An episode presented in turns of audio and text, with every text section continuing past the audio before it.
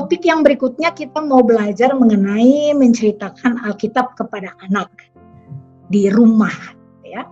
Nah, ada pertanyaan untuk kita semua, mungkin ada yang sudah menikah atau ada yang belum.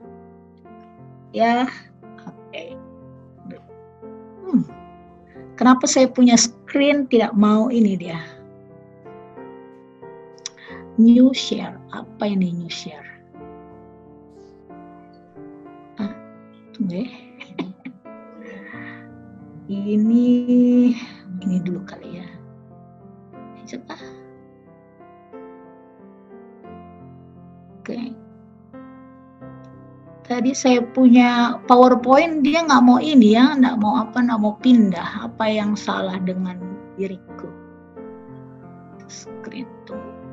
Atau mesti mulai baru kah? Coba lihat dulu. Kak Ivon bisa ke PowerPoint Ya.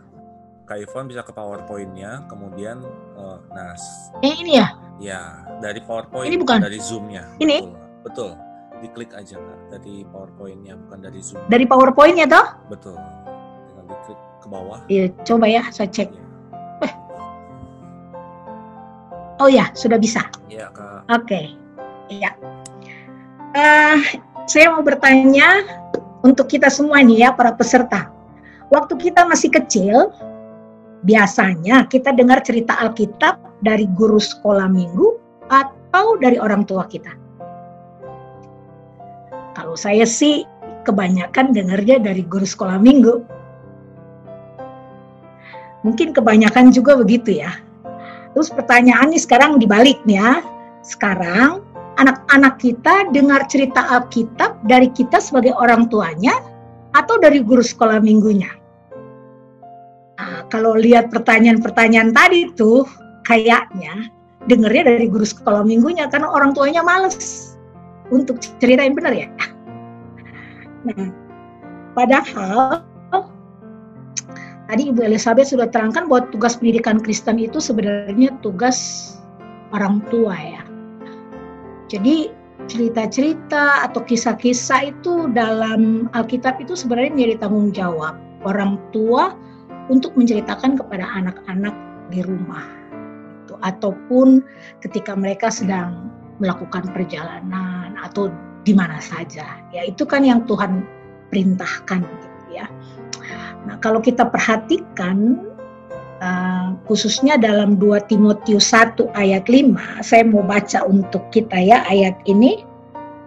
Bagaimana ini Oma ya, Oma Lois dengan Mama Eunike, nah, dia itu menjadi orang dewasa yang benar-benar mendidik anak dalam rumah.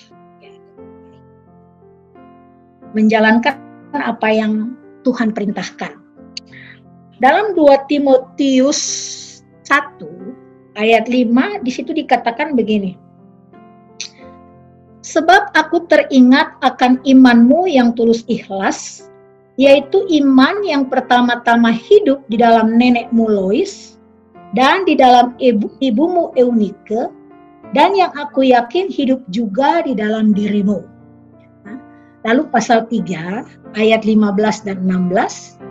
Ingatlah juga bahwa dari kecil engkau sudah mengenal kitab suci yang dapat memberi hikmat kepadamu dan menuntut engkau kepada keselamatan oleh iman kepada Kristus Yesus.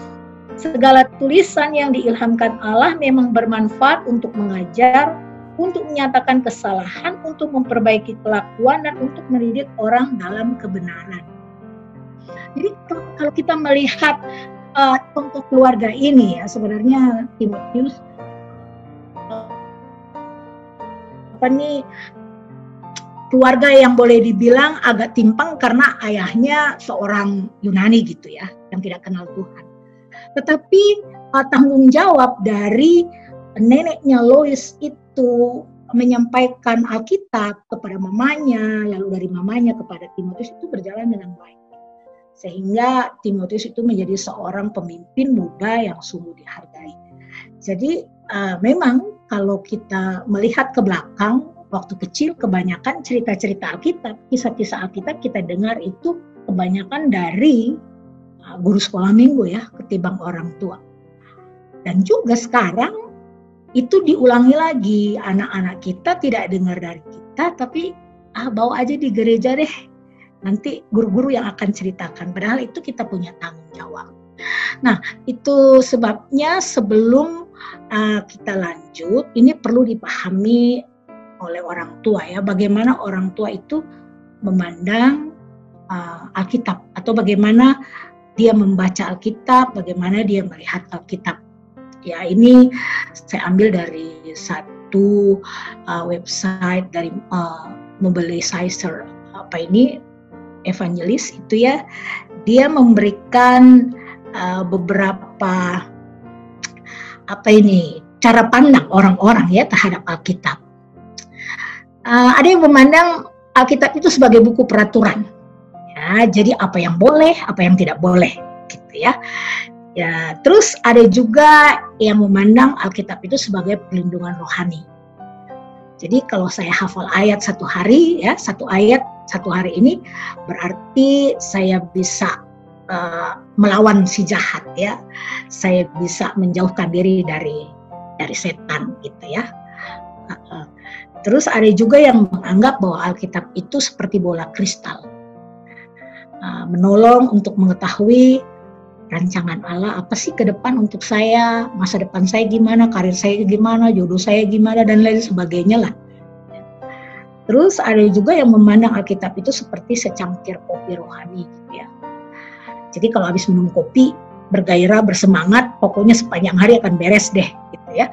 Jadi kalau saya sudah minum uh, dalam tanda petik ya Alkitab ini itu hari saya akan dimulai dengan benar gitu ya. Terus ada juga yang menganggap Alkitab itu sebagai dokter keluarga. Saat hati gelisah, saya baca Alkitab untuk menolong hati saya supaya tenang. Jadi pokoknya kalau mood lagi nggak baik, baca Alkitab ah gitu ya. Bu masalah numpuk baca Alkitab ah gitu ya. Apalagi uh, sekarang masa pandemik wah hafalin aja tuh Mazmur 91 begitu ya. Jadi uh, seperti itu gitu ya. Terus uh, ada juga yang memandang Alkitab itu sebagai peta harta karun. Ya, kan di Alkitab banyak janji-janji Tuhan ya. Jadi janji-janji Tuhan untuk memberkati saya dengan kesehatan dengan kemakmuran jadi ini beberapa uh, cara pandang orang terhadap Alkitab ya. Nah, pertanyaannya apakah ada yang salah dengan cara pandang seperti itu terhadap Alkitab? Tentu saja tidak ya, tidak salah. Karena memang benar sih bahwa Alkitab itu uh, menuntun kita untuk tahu masa depan apa yang Tuhan sudah rancangkan untuk kita gitu ya. Terus bagaimana kita bisa melepaskan diri dari yang jahat, ya pegang firman Tuhan. Ada janji harus dipegang begitu ya. Tapi konsekuensinya itu akibatnya kalau kita hanya melihat Alkitab dari sudut pandang yang tadi gitu ya. Kita tidak melihat Alkitab itu sebagai suatu kisah yang berkesinambungan ya. Suatu kisah yang yang konsisten suatu kisah yang memiliki tema atau tujuan. Jadi kalau kita memiliki cara pandang yang seperti tadi itu kita akan melihat Alkitab sebagai kumpulan yang acak gitu ya dari kisah-kisah uh, rohani itu. Jadi kita tidak melihat bahwa sesungguhnya ya uh, firman Tuhan itu mulai dari kejadian sampai kepada wahyu itu adalah suatu bagian yang utuh. Gitu ya. Menjadi suatu bagian yang utuh. Nah jadi sebenarnya kalau kita melihat dalam Alkitab Alkitab itu sebenarnya bukan banyak berbicara tentang saya tapi banyak berbicara tentang Tuhan atau tentang Allah ya.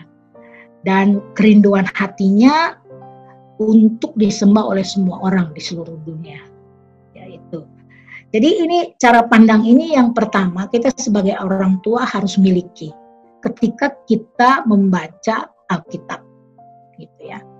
Nah, kalau kita lihat tadi sudah saya bilang tadi ya, baik dari perjanjian lama dan kitab-kitab dalam Alkitab itu itu punya tema yang sama. Ya, supaya setiap suku bangsa di muka bumi ini datang menyembah Dia. Jadi kerinduan Allah yang terdalam adalah agar kemuliaannya itu dapat dinikmati oleh semua orang di seluruh dunia. Itu dalam Habakuk uh, 2 ayat 14 saya baca untuk kita. Sebab bumi akan penuh dengan pengetahuan tentang kemuliaan Tuhan seperti air yang menutupi dasar laut. Jadi semua ciptaan Tuhan menciptakan alam semesta untuk kemuliaannya. Tuhan menciptakan saya untuk kemuliaannya. Jadi uh, ini ini misi Tuhan ya supaya semua suku bangsa itu mereka dapat menyembah kepada Tuhan. Ya. Jadi dengan kata lain uh, karena kita manusia yang berdosa kita tidak bisa datang menyembah kepada Tuhan, Tuhan sendiri yang memberikan jalan keluar. Jadi ada keselamatan yang terus Tuhan rancang mulai dari perjanjian lama sampai pada perjanjian baru. Nah, kisah-kisah dalam Alkitab ini yang akan kita ceritakan kepada anak-anak haruslah menuntun anak untuk datang menyembah Allah. Jadi tadi Ibu Elizabeth kan sudah katakan bahwa tujuan pendidikan Kristen itu adalah supaya anak-anak mereka itu menerima Kristus sebagai Tuhan dan selamat. Jadi kita membimbing mereka. Dan juga yang berikutnya adalah supaya mereka bisa menjadi dewasa dalam Tuhan. Artinya karakter mereka bertumbuh ke arah Kristus uh, seperti Kristus gitu ya. Jadi bukan hanya sekedar memberikan uh, pelajaran moral ya misalnya. Jadi adik-adik apa yang uh, Daud lakukan baik ya, iya baik gitu ya. Jadi bukan hanya soal soal moral saja gitu ya. Ini yang jahat, ini yang baik, ini yang benar, ini yang nggak benar gitu ya. Tapi harus menuntun anak-anak itu untuk mengenal Tuhan, untuk mengasihi Tuhan, dan untuk melayani Tuhan. Ya. Nah, sekarang pada kita masuk dalam bagian inti. Jadi kalau kita sudah paham sebagai orang tua, sebagai orang dewasa yang bertanggung jawab untuk menceritakan firman Tuhan tadi, kita hanya tidak memandang Alkitab itu seperti hanya bola kristal, hanya karun gitu ya dia hanya seperti secangkir kopi, tapi kita melihatnya sebagai satu rangkaian yang utuh di mana Allah menginginkan semua suku bangsa untuk datang menyembah Dia, maka kita bisa menyampaikan uh, cerita Alkitab itu seturut dengan apa yang yang Tuhan inginkan. Nah, yang pertama, bagaimana kita bisa menceritakan uh, Alkitab? Ya, itu yang pertama itu hubungkan firman Tuhan dengan kegiatan sehari-hari keluarga Anda. Jadi itu selalu ada konek ya konektis apa namanya selalu ada hubungan gitu ya dengan kegiatan aktivitas sehari-hari di rumah. Jadi sebenarnya ketika kita menyampaikan firman Tuhan atau menceritakan tentang Alkitab itu ada kesempatan yang tidak terbatas untuk mengajarkan kebenaran Allah kepada anak-anak dalam kehidupan mereka sehari-hari. Jadi kita sudah melihat dalam kitab ulangan pasal 6, itu sebenarnya Allah memerintahkan itu kepada orang tua. Untuk mengintegrasikan ya, untuk memasukkan firmannya itu ke dalam pikiran, ke dalam perkataan, dan dalam hidup mereka sehari-hari. Yaitu mulai dari pagi hingga waktu tidur. Jadi kan katanya tadi waktu bangun dan waktu kamu berbaring gitu ya. Jadi sebenarnya kita mesti melihat setiap kesempatan itu ada waktu untuk kita membicarakan firman Tuhan kepada mereka. Uh, misalnya saja, uh, satu kali saya punya keponakan, memang saya tidak punya anak di rumah, tapi saya membesarkan dua keponakan dari kecil ya dari mereka umur 4 tahun. Terus saya juga dekat dengan 11 keponakan saya, jadi mereka selalu main di rumah gitu ya. Uh, ini dalam kesempatan kami lagi jalan mau ke toko ya. Jadi dia dia mau minta beli es krim. Terus dia lihat ada orang yang buang sampah sembarangan dia bilang gini, ah Mama Du percuma ya, aku kalau beli permen aku masukin dalam kantong. Kata Mama Du harus jaga kebersihan, kita harus memberi apa namanya kontribusi walaupun kecil, tapi saya sudah setengah mati, orang lain buang sampah sembarangan, jadi percuma aja ya. Dia gitu. Nah, itu kesempatan waktu dia menggunakan seperti itu, saya masuk firman Tuhan. Ya. Jadi kalau ada orang yang berbuat tidak baik, banyak orang yang membuat tidak baik, terus kamu hanya sendirian, kamu ikut yang tidak baik ya. Apa yang firman Tuhan katakan? Saya sampaikan gitu ya cerita itu. Jadi ada banyak, mungkin waktu mereka lagi sarapan gitu ya. Jadi dalam keadaan-keadaan yang tidak tidak formal sebenarnya tadi firman Tuhan bilang kan, Elizabeth sudah singgung waktu kamu duduk, waktu kamu tidur, waktu kamu berjalan, waktu kamu uh, berbaring gitu ya. Jadi itu dalam kehidupan sehari-hari perkataan firman Tuhan itu harus harus bukan hanya sekedarnya tadi Bu Elizabeth bilang itu betul-betul uh, menjadi bagian uh, masuk dalam pikiran mereka, masuk dalam perkataan ya dan hidup mereka itu ya. Jadi lihat kesempatan untuk membicarakan firman Tuhan. Jadi ada hal yang kita sampaikan Nah, yang berikutnya bagaimana kita bisa menceritakan kita rencanakan waktu terstruktur ya. Jadi selain tadi itu menggunakan kesempatan setiap kesempatan itu bisa menjadi waktu untuk menjalankan firman Tuhan. Kita bisa buat juga waktu yang terstruktur untuk pengajaran Alkitab buat keluarga. Nah, jadi misalnya kalau kita mau pilih waktu ya, oke okay, kita mau uh, belajar Alkitab nih uh, pagi ya sebelum kalian berangkat sekolah. Nah sekarang kan sekolahnya nggak pergi ya di rumah jadi gampang lah aturnya. Terus orang tua juga nggak kerja gitu ya sudah mudah untuk mengaturnya. Tapi pilih waktu yang cocok untuk semua orang. Terus tetapkan waktu pelajaran Alkitab itu sesuai usia anak ya. Jadi kalau anak-anak kita masih batita atau balita itu kita juga harus sesuaikan pelajaran Alkitabnya. Lalu kita bisa dorong anak-anak untuk mengambil bagian. Misalnya menyanyikan lagu-lagu hymns atau kor, pendek. Kalau ada yang sudah bisa baca Alkitab, dia baca Alkitab begitu ya. Kalau di rumah kami karena anak-anak sudah besar, dulu mereka sudah SMA, itu kami baca kalau malam itu satu pasal. Tapi kalau pagi itu baca hanya Max Lucado punya hanya singkat saja, lima menit selesai. Tapi biasa pace doanya yang panjang gitu. Jadi anak-anak sudah amin-amin terus. Udah ngeliat gini, aduh sudah mau terlambat gitu ya. Jadi itu kita bisa juga rencanakan waktu terstruktur ya. Terus pilih bagian-bagian Alkitab atau kisah-kisah yang mudah dimengerti anak-anak. Khususnya untuk anak-anak yang yang usia uh, masih kanak-kanak gitu ya itu kan ada bagian yang yang sukar tapi kita bisa ceritakan uh, untuk bagian yang yang misalnya contoh misalnya gini ya. 10 hukum. Masuk pada bagian jangan bersinah. Ini anak kecil gitu loh umur 4 tahun. Apa ya jangan bersinah itu? Itu kan sukar untuk dijelaskan. Jadi kalau misalnya kita mungkin dengan cara sederhana bilang kalau misalnya mama, kamu punya mama kan satu, terus papa bilang, eh saya mau tambah mama satu lagi, bagaimana? Pasti itu anak, enggak, mama ini aja cukup gitu ya. Jadi itu penjelasan yang yang sederhana, jadi kisah-kisah itu yang mudah dimengerti oleh anak. Lalu kita juga untuk mereka yang sudah mulai agak uh, menanjak remaja gitu ya, itu kita perlu memperlengkapi mereka untuk menghadapi kesulitan. Tadi kan firman Tuhan bilang itu bahwa apa uh, segala tulisan yang diilhamkan Allah itu memang bermanfaat gitu ya. Jadi apa yang mereka pelajari itu hari ini itu pasti akan bermanfaat untuk ke depannya.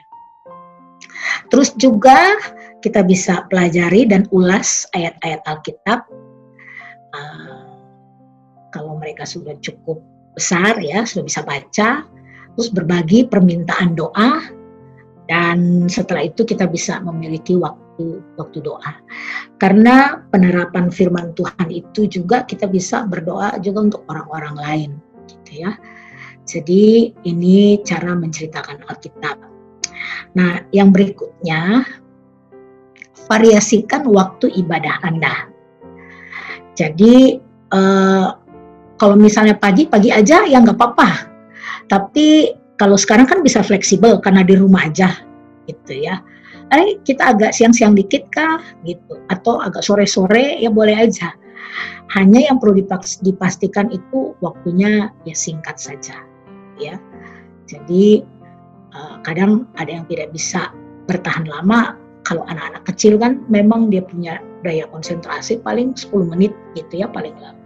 Kecuali kalau dia sudah mulai kelas madya itu baru bisa agak lama sedikit lah ya. Jadi variasikan saja waktu ibadah itu di dalamnya ada pelajaran Alkitab atau ada cerita Alkitab yang dibacakan, yang diulas ya. Terus setelah itu kita bisa doa untuk uh, bersama gitu ya. Nah, yang berikutnya lagi gunakan tempat-tempat berbeda. Ah ini tadi sudah di uh, apa disampaikan tadi ya oleh Ibu Elizabeth. Bisa di mana aja. Uh, kadang apa nih anak-anak itu kan mudah bosan ya. Ih, baca Alkitabnya harus duduk rapi di ruangan tamu, lipat tangan, nggak boleh bergerak gitu ya. Nanti ada bagian tips-tips di bawah itu yang untuk anak-anak toddler yang usia 2 tahun itu. Nah, nanti saya akan bagikan itu sambil makan juga bisa kasih suap mereka. Marah waktu mereka mandi lagi main-main juga bisa ceritakan gitu ya. Jadi gunakan tempat-tempat yang yang berbeda. Kalau dalam ulangan tadi itu dikatakan ada empat tempat ya. Uh, seperti di tangan ya, terus di dahi, di tiang pintu rumah, terus tiang pintu gerbang. Ya.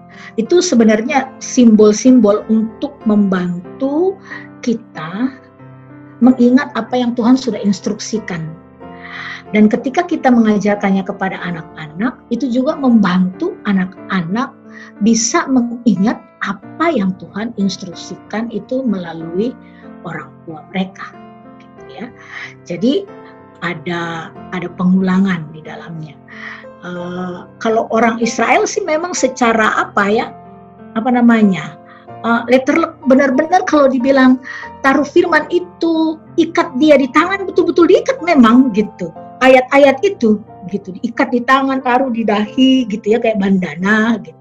Tapi sebenarnya itu kan secara simbol bahwa tangan ini kan ini yang sering digunakan untuk melakukan sesuatu. Jadi dengan rajin lah begitu ya. Terus uh, dahi dari komentar yang saya baca sebenarnya itu kata dahi itu sebenarnya uh, bukan di dahi di sini ini antara mata ini itu berarti soal sudut pandang ya. Jadi bagaimana kita memandang itu firman Tuhan itu. Terus tiang pintu rumah. Nah, tiang pintu rumah biasalah kalau orang Kristen itu kan pasti punya simbol-simbol. Orang bisa tahu masuk rumah orang ini Kristen apa bukan, pasti lihat ada salibnya enggak gitu ya. Terus nanti pasti ada ayat-ayat lah yang digantung-gantung gitu. Sebenarnya itu menjadi hal yang cukup penting loh kalau ada simbol-simbol itu karena setiap masuk anak lihat salib kita jelaskan tentang salib itu apa yang kecil-kecil teristimewa terus ayat itu mau nggak mau mereka lewat mereka lihat-lihat terus gitu kan itu bisa terus diingat. Tapi jangan cuma hanya sebatas pada simbol, tapi kita menceritakannya. Jadi dalam tempat-tempat yang berbeda. Nah satu kali saya ada letakkan flashcard flashcard EE Evangelism Explosion itu yang yang bergambar terus uh, karena itu baru produksi terus itu uh, saya baru bawa dari Amerika jadi tulisannya bahasa Inggris. Dan sedikit aja kalimatnya. Nah keponakan saya tinggal dengan saya umur 6 tahun dia masuk di kamar saya taruh di tempat tidur. Lalu dia lihat gambar-gambar itu. Baru dia panggil saya. Lalu aku tidak mengerti ini gambar apa gitu ya. Terus ini bahasa apa ya? Bahasa Inggris ya? Iya bahasa Inggris itu satu kesempatan untuk saya gitu ya. Wah ini pas sudah. Jadi saya jelaskan gambar itu di tempat tidur. Ceritakan tentang uh, apa keselamatan dalam Tuhan Yesus. Dan hari itu dia menerima Kristus sebagai Tuhan dan Yesus utama secara pribadi. Itu satu kesempatan yang yang yang luar biasa gitu untuk saya. Nah, ada satu lagi saya putar video tentang Yesus. Ya. Sebenarnya saya putar itu untuk saya punya karyawan yang Muslim. Nah, semua karyawan yang Muslim ini lihat, termasuk saya punya keponakan yang umur 4 tahun.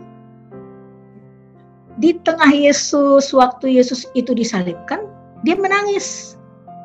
Masuk di kamar, saya kejar. Saya bilang, Devano, kenapa kamu menangis? Lalu dia bilang, kasihan ya Tuhan Yesus, dia baik sekali. Baru orang uh, bunuh dia, caci dia. Jadi sekali mereka. Ah, kesempatanlah saya bicara dengan dia. Kenapa mereka berbuat itu? Mengapa Yesus mau menanggung umur 4 tahun? Tapi ya dengan bahasa yang sederhana. Terus akhirnya dia sendiri bilang, berarti saya juga berdosa ya, gitu. Nah itu kita gunakan tempat-tempat yang berbeda ya jadi kalau ada simbol-simbol yang bisa kita pajang-pajanglah dan kita jelaskan ya.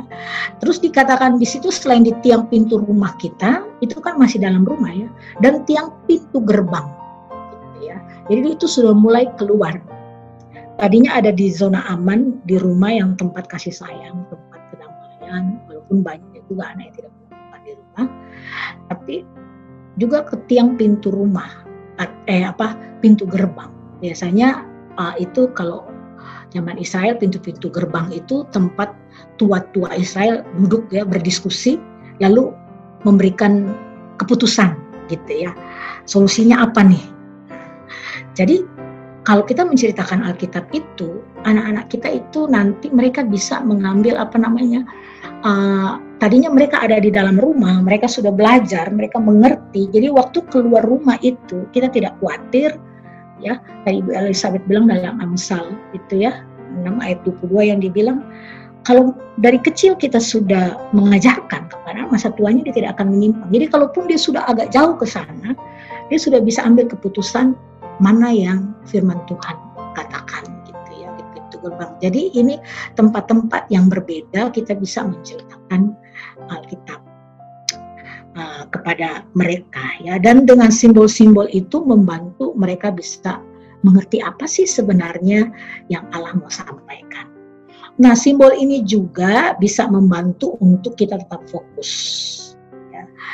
Nah, tetapi penekanan dari ayat ulangan ini sebenarnya adalah bahwa uh, nilai kerajaan Allah memang simbol itu penting tapi yang sangat penting itu adalah uh, intinya itu ya, bahwa nilai kerajaan Allah itu harus ditorehkan tahu ditoreh ya jadi kalau ditoreh itu orang kasih begini sampai kayak luka gitu tertanam betul ya dengan kuat dan kokoh dalam pikiran ya terus dalam kehendak dan perilaku perbuatan mereka jadi itu yang yang, harus memang harus ditorehkan dalam uh, diri anak. Jadi dari simbol-simbol itu mereka bisa fokus, kita juga bisa mudah untuk menjelaskan.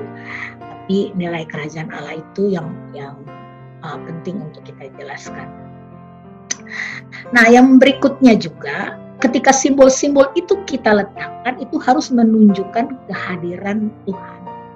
Jadi jangan hanya asal pajang aja supaya rumah cantik, supaya rumah indah gitu ya. Enggak. Tapi uh, apa sih ini makna ini gitu ya. Uh, kadang saya taruh satu benda yang sangat berkesan untuk saya. Terus kebanyakan tanya, aduh ini apa sih? Saya jelaskan, ini waktu Amadu hilang gitu ya. Jadi ceritalah kisah. Maka dengar bagaimana Tuhan menolong ini waktu ini. Jadi itu uh, kita melihat bahwa sebenarnya anak-anak kita dibentuk oleh lingkungan tempat mereka tinggal. Ya. Baik yang tampak ya, waktu mereka melihat itu maupun yang mereka alami sendiri. Jadi mereka lihat nyata, mereka melihat dari simbol, mereka melihat dari orang-orang dewasa yang ada di sekitar, tapi juga mereka mengalaminya. Jadi itu anak-anak dibentuk seperti itu. Tadi Ibu Elizabeth sudah mengutip dari apa Dorothy uh, bahwa anak-anak itu belajar dari apa yang mereka hidupi ya kehidupan mereka. Nah yang berikutnya cara menceritakan Alkitab itu dengan menggunakan panca indera. Terus lima panca indera ini khususnya untuk anak-anak yang masih kecil, lalu dengan pengulangan berulang dan dengan contoh model. Kalau dengan panca indera itu kan kita bisa mereka bisa mendengar. Ya waktu kita baca cerita mereka bisa melihat. Kalau kita ada visual alat peraga misalnya ya. Terus mereka bisa merasakan ya oh seperti begini ya. Lalu mereka juga bisa menciumnya ya merabahnya. Jadi panca indera itu uh, dengan menggunakan panca indera mereka lebih mudah untuk memahami dan mengingatnya itu cukup lama. Lalu dengan berulang ya berulang ulang. Terus orang tanya sampai kapan? Firman Tuhan bilang diulang-ulang gitu. Maksudnya sebenarnya kata tadi firman Tuhan itu ya kamu harus menceritakan kepada anak-anakmu berulang-ulang. Berulang-ulang itu artinya dengan rajin. Nah, itu tadi pertanyaan bilang aduh bagaimana ya memotivasi orang tua? Nah, memang tadi boleh saya bilang itu tugas gereja. Orang tua lalai tugas gereja yang harus melengkapi orang karena mereka nggak tahu gitu bagaimana buat. Jadi ini berulang terus dengan contoh. Nah, jadi kalau kita mengajarkan kepada anak itu kita harus hidupi juga. Nah, Musa mengajar orang Israel untuk mengajar anak-anak mereka bagaimana mengasihi dan menaati Allah dengan menggunakan cara-cara itu tadi dengan indera, ya, dengan berulang dan dengan contoh dengan model. Ya. Misalnya kan banyak ya dia pakai uh, misalnya apa itu yang mereka dipagut ular terus mati dia ada simbol ular gitu ya. Yang sekarang kan itu simbol simbol kimia farma gitu ya. Obat gitu menyembuhkan lihat di situ. Dan masih banyak simbol lain lagi. Misalnya mereka harus menyeberangi sungai Yordan. Tiap suku itu ada batunya satu-satu ada dua belas dan itu diceritakan ada prasasti simbol-simbol itu menceritakan perbuatan-perbuatan Allah yang besar yang memang harus di, disembah gitu jadi jadi itu. Uh, beberapa cara anak belajar ya dengan menggunakan panca indera dan berulang. Uh, apalagi anak-anak kecil mereka kalau diulang-ulang itu walaupun lagunya panjang mereka mudah untuk mengingat ya. Jadi kalau anak juga nonton televisi ulang-ulang itu yang baik mereka serap yang buruk juga mereka serap gitu ya. Jadi ini kita sebagai orang tua harus ajar terus ulang-ulang supaya mereka bisa menyerap uh, Alkitab itu dengan baik gitu ya. Nah, yang berikutnya juga sebagai simbol kita bisa melakukan ritual keluarga. Ya. Seperti altar keluarga setiap pagi atau malam terus kita melakukan misalnya merayakan Paskah ya. Ini bukan cuma di gereja gitu, Paskahnya dibuat juga di di rumah gitu ya terus perayaan Natal di rumah, terus ada hari-hari ritual Kristen lainnya gitu ya. Nah ini bisa menolong anak-anak untuk memahami uh, apa namanya firman Tuhan dan mereka bisa bertumbuh dalam iman. Saya punya keponakan sekarang semua sudah besar, nggak ada lagi yang kecil. Ada yang kecil sudah SMP lah sudah kelas 2 ya. Tapi yang besar-besar ini sudah ada yang kuliah, sudah ada yang kerja. Terus saya tanya mereka satu kali kumpul, uh, bukan saya yang tanya, mereka justru yang bilang gini, Mamadu kapan kita main lagi? Terus saya bilang, main apa? Itu loh, cari telur pasca. Gede mereka mau cari telur pasca. Kita kumpul lagi dong, cari telur pasca. Jadi saya beli apa itu telur plastik masukkan coklat gitu dalam kadang ada uang gitu ya. Terus mereka seneng ritual ritual ritual itu gitu dalam keluarga dibuat kadang Natal itu pada kaos kaki tertulis nama mereka masing-masing saya sudah tulis terus saya kasih hadiah-hadiah. Ya, tapi saya nggak ceritakan sinterklas sih gitu ya. Jadi tentang kebaikan Tuhan. Jadi itu ritual-ritual itu juga cukup penting tapi bukan uh, apa namanya jangan nanti seperti bangsa Israel ya muridmu tuh tidak cuci tangan gitu ya jadi ritualnya aja intinya enggak gitu ya tapi ini yang harus kita uh, juga Nah, ketika orang tua dengan rajin mengajar anak-anak mereka untuk mengasihi Tuhan dan menaati firman-Nya, maka anak-anak dapat melampaui orang tua mereka. Ya. Misalnya boleh dikatakanlah, misalnya imannya orang tua misalnya setengah gelas misalnya itu anak-anak bisa sampai satu gelas gitu loh jadi melampaui ya kalau memang orang tua dengan rajin mengajar anak mereka untuk mengasihi Tuhan dan menaati firman-Nya, maka anak-anak dapat melampaui orang tua mereka karena mereka berdiri di atas fondasi yang kokoh. Mereka memiliki keyakinan, mereka memiliki harapan, imajinasi, kreativitas, antusiasme, dan energi yang tak terbatas. Itu ada dalam diri anak. Nah, pertumbuhan mereka ini merupakan buah dari investasi orang tua mereka. Ya. Jadi, kalau orang tua mau memetik hasil investasi lah. Itu tadi jangan malas-malas ya harus rajin-rajin. Jadi nanti ya orang tua memang harus diberi, diberi penyadaran begini bahwa ini alangkah berbahagianya melihat anak bertumbuh dari hasil investasi orang tua itu ya mereka berbuah. Gitu. Oke. Nah ini tips cerita untuk usia anak 2-3 tahun yang toddlers ya, umur 3 tahun ke bawah lah yang batita ya. Buatlah dengan rutin, maksudnya waktunya. Saat sarapan kah gitu ya, misalnya mereka pakai apa namanya itu kursi yang mereka duduk itu ya, saya lupa namanya yang mereka bisa putar-putar. Nah, itu bisa bisa cerita. Sambil mereka satu suap ada gambar kita cerita. Itu waktu mereka mandi ya sambil mereka berendam kan senang anak umur 2 3 tahun itu di bak mandi ya lama-lama tapi jangan kelamaan nanti masuk angin. Jadi kita juga bisa cerita gitu ya. Nah terus yang kedua pilihlah Alkitab versi anak yang baik. Kan sekarang ada tuh Alkitab untuk anak ya versi anak, ada juga Alkitab yang perjanjian baru saja dengan cerita. Terus bisa juga aplikasi ya. Saya tertarik tuh dengan siapa ya yang Bob kirim itu ada dua anak yang mereka di di Bible aplikasi itu mereka uh, fit berikan feedback gitu ya. Ini kisah Nuh kalau di Alkitab kan dijelaskan tuh berapa hasta panjangnya, lebarnya. Kalau di sini enggak, dibilang pokoknya buat yang besar gitu. Nah itu kan uh, itu untuk anak-anak yang sudah bisa baca, bisa mengerti, uh, itu mereka bisa memahami. Tapi kalau untuk anak yang masih toddler begini tidak apa-apa, hanya bilang aja bahtera yang besar. Kan mereka tidak ngerti itu berapa meter, berapa senti, itu segitu. Pilihlah versi Alkitab anak yang yang baik ada banyak. Kalau bahasa Inggris banyak sekali versi Alkitabnya. Saya tidak tahu kalau di Indonesia yang saya tahu waktu itu hanya ada yang punya, terus ada kalam hidup tuh yang tebel gitu, itu yang saya dulu pakai cerita itu diulang-ulang. Terus bacalah kisah dengan agak drama-drama sedikit gitu ya. Maksudnya gini, jadi kalau misalnya itu ceritanya oh, memang gembira gitu ya. Wah, aman disembuhkan misalnya gitu. Itu ekspresif gitu ya. Atau bisa juga kisahnya itu dengan dengan musik gitu ya, dengan nyanyian. Itu anak-anak kecil mereka senang, mudah untuk bisa memahaminya ya.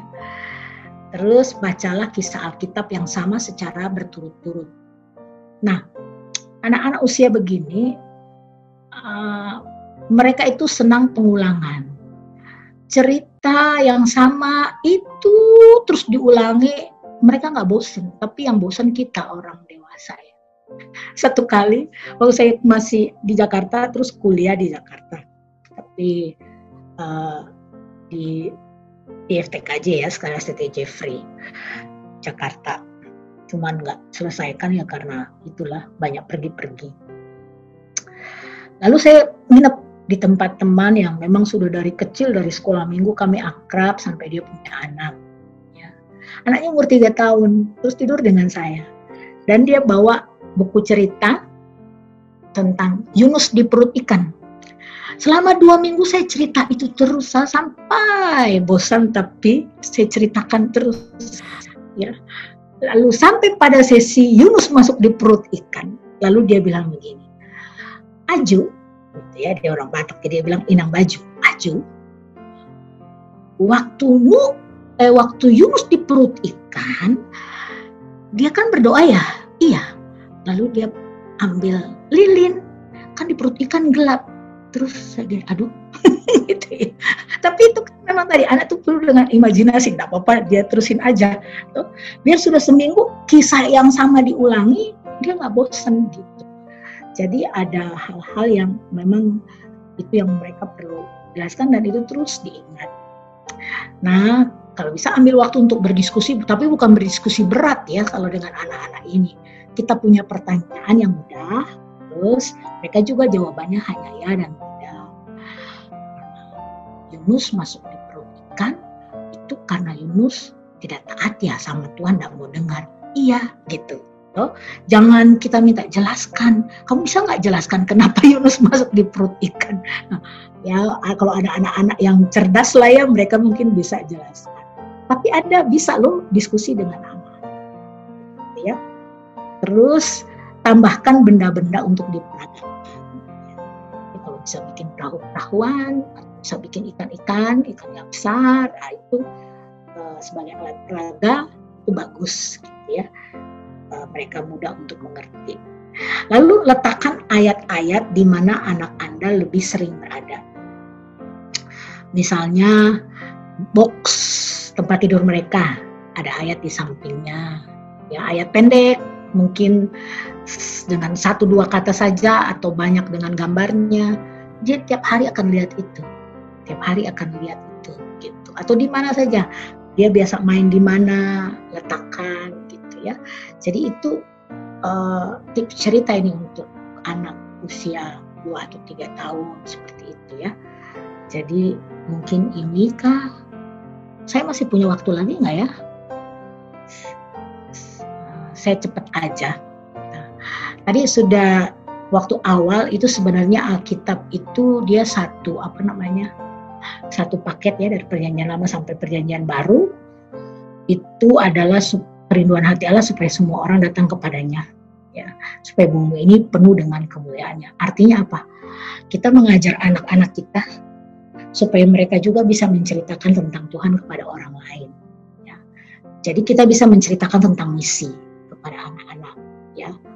misalnya memperkenalkan keluarga tentang ini ya, unreached people group, orang-orang yang belum terjangkau. Itu bisa dengan alat peraga uh, ini tam ini ya begini jadi ada tribal ada suku ada Hindu ada unreligious yang uh, tidak punya agama ada yang Muslim ada yang uh, Buddhis ya jadi itu kita bisa ajarkan kepada mereka tentang mereka ini perlu dijangkau gitu ya terus uh, kita bisa ceritakan di mana saja mereka tinggal, terus apa kepercayaan mereka, apa yang mereka percayai, ya. Terus kita bisa juga ambil mungkin clipping koran kah atau majalah kah atau kisah-kisah tentang anak yang berasal dari ini tadi.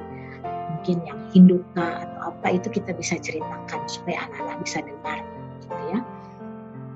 Mereka bisa memahami siapa mereka itu. Apalagi sekarang di tengah isu rasis ya uh, itu penting gitu bahwa mereka pun yang tidak sama dengan kita harus uh, mendapatkan ini ya keselamatan itu ya. Terus kita bisa mengajak anak-anak kita untuk mengadopsi salah satu unreached people group tadi ya mengadopsi. Uh, itu dengan singkatan dari ini ya di ICL itu discover ya. Ada ayat-ayat Alkitab tentang misi kita pelajari terus dengan cara menarik kita buatlah ya.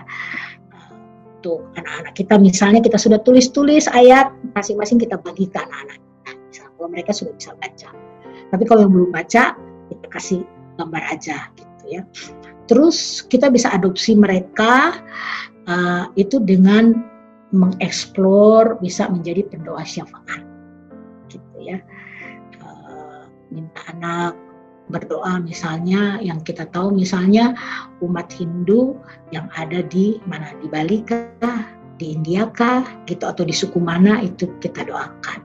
Terus ada connect ada hubungannya. Uh, misalnya mendengar kisah seorang anak ya. Kalau ada videonya kita bisa putar ya Terus dari kisah itu kita bisa menjiwainya dengan oh anak ini dia butuh Alkitab. Ada banyak anak-anak yang misalnya di Cina ada anak-anak yang membutuhkan Alkitab setelah mereka percaya Kristus. dan justru anak-anak yang menolong untuk memberikan gitu. Jadi ini kisah-kisah ini itu bisa membuat jiwa anak-anak kita itu apa namanya apa ada tulisan itu ya. Lalu memperkenalkan Kristus kepada orang lain di sekolah ya atau di dekat rumah. Jadi ini kita bisa menceritakan misi jadi itu bagian lain lagi ya. Saya rasa mungkin sampai di sini saja dan saya mau kutip dari 2 Timotius 3 ayat 10. Ini kerinduan kita kalau kita sudah mengajar kepada anak kita atau kita sebagai orang dewasa mengajar kepada anak-anak yang lain ya itu dikatakan tetapi engkau telah mengikuti ajaranku cara hidupku pendirianku imanku kesabaranku kasihku dan ketekunanku ya. Jadi ini yang uh, menjadi apa uh, kita punya sasaran ya supaya anak-anak kita bisa mengikuti apa yang kita ajarkan. Mereka melihat model cara hidup kita, mereka lihat keyakinan kita, iman kita. Dan itu yang yang apa uh, yang kita mau lihat jadi dari cerita-cerita Alkitab, kisah-kisah Alkitab, dari pelajaran-pelajaran Alkitab yang kita sampaikan, itu akan menolong mereka untuk semakin mengenal Tuhan. Akan menolong mereka untuk semakin mengasihi Tuhan. Dan akan menolong mereka juga untuk bisa melayani Tuhan. Oke, Tuhan memberkati. Shalom.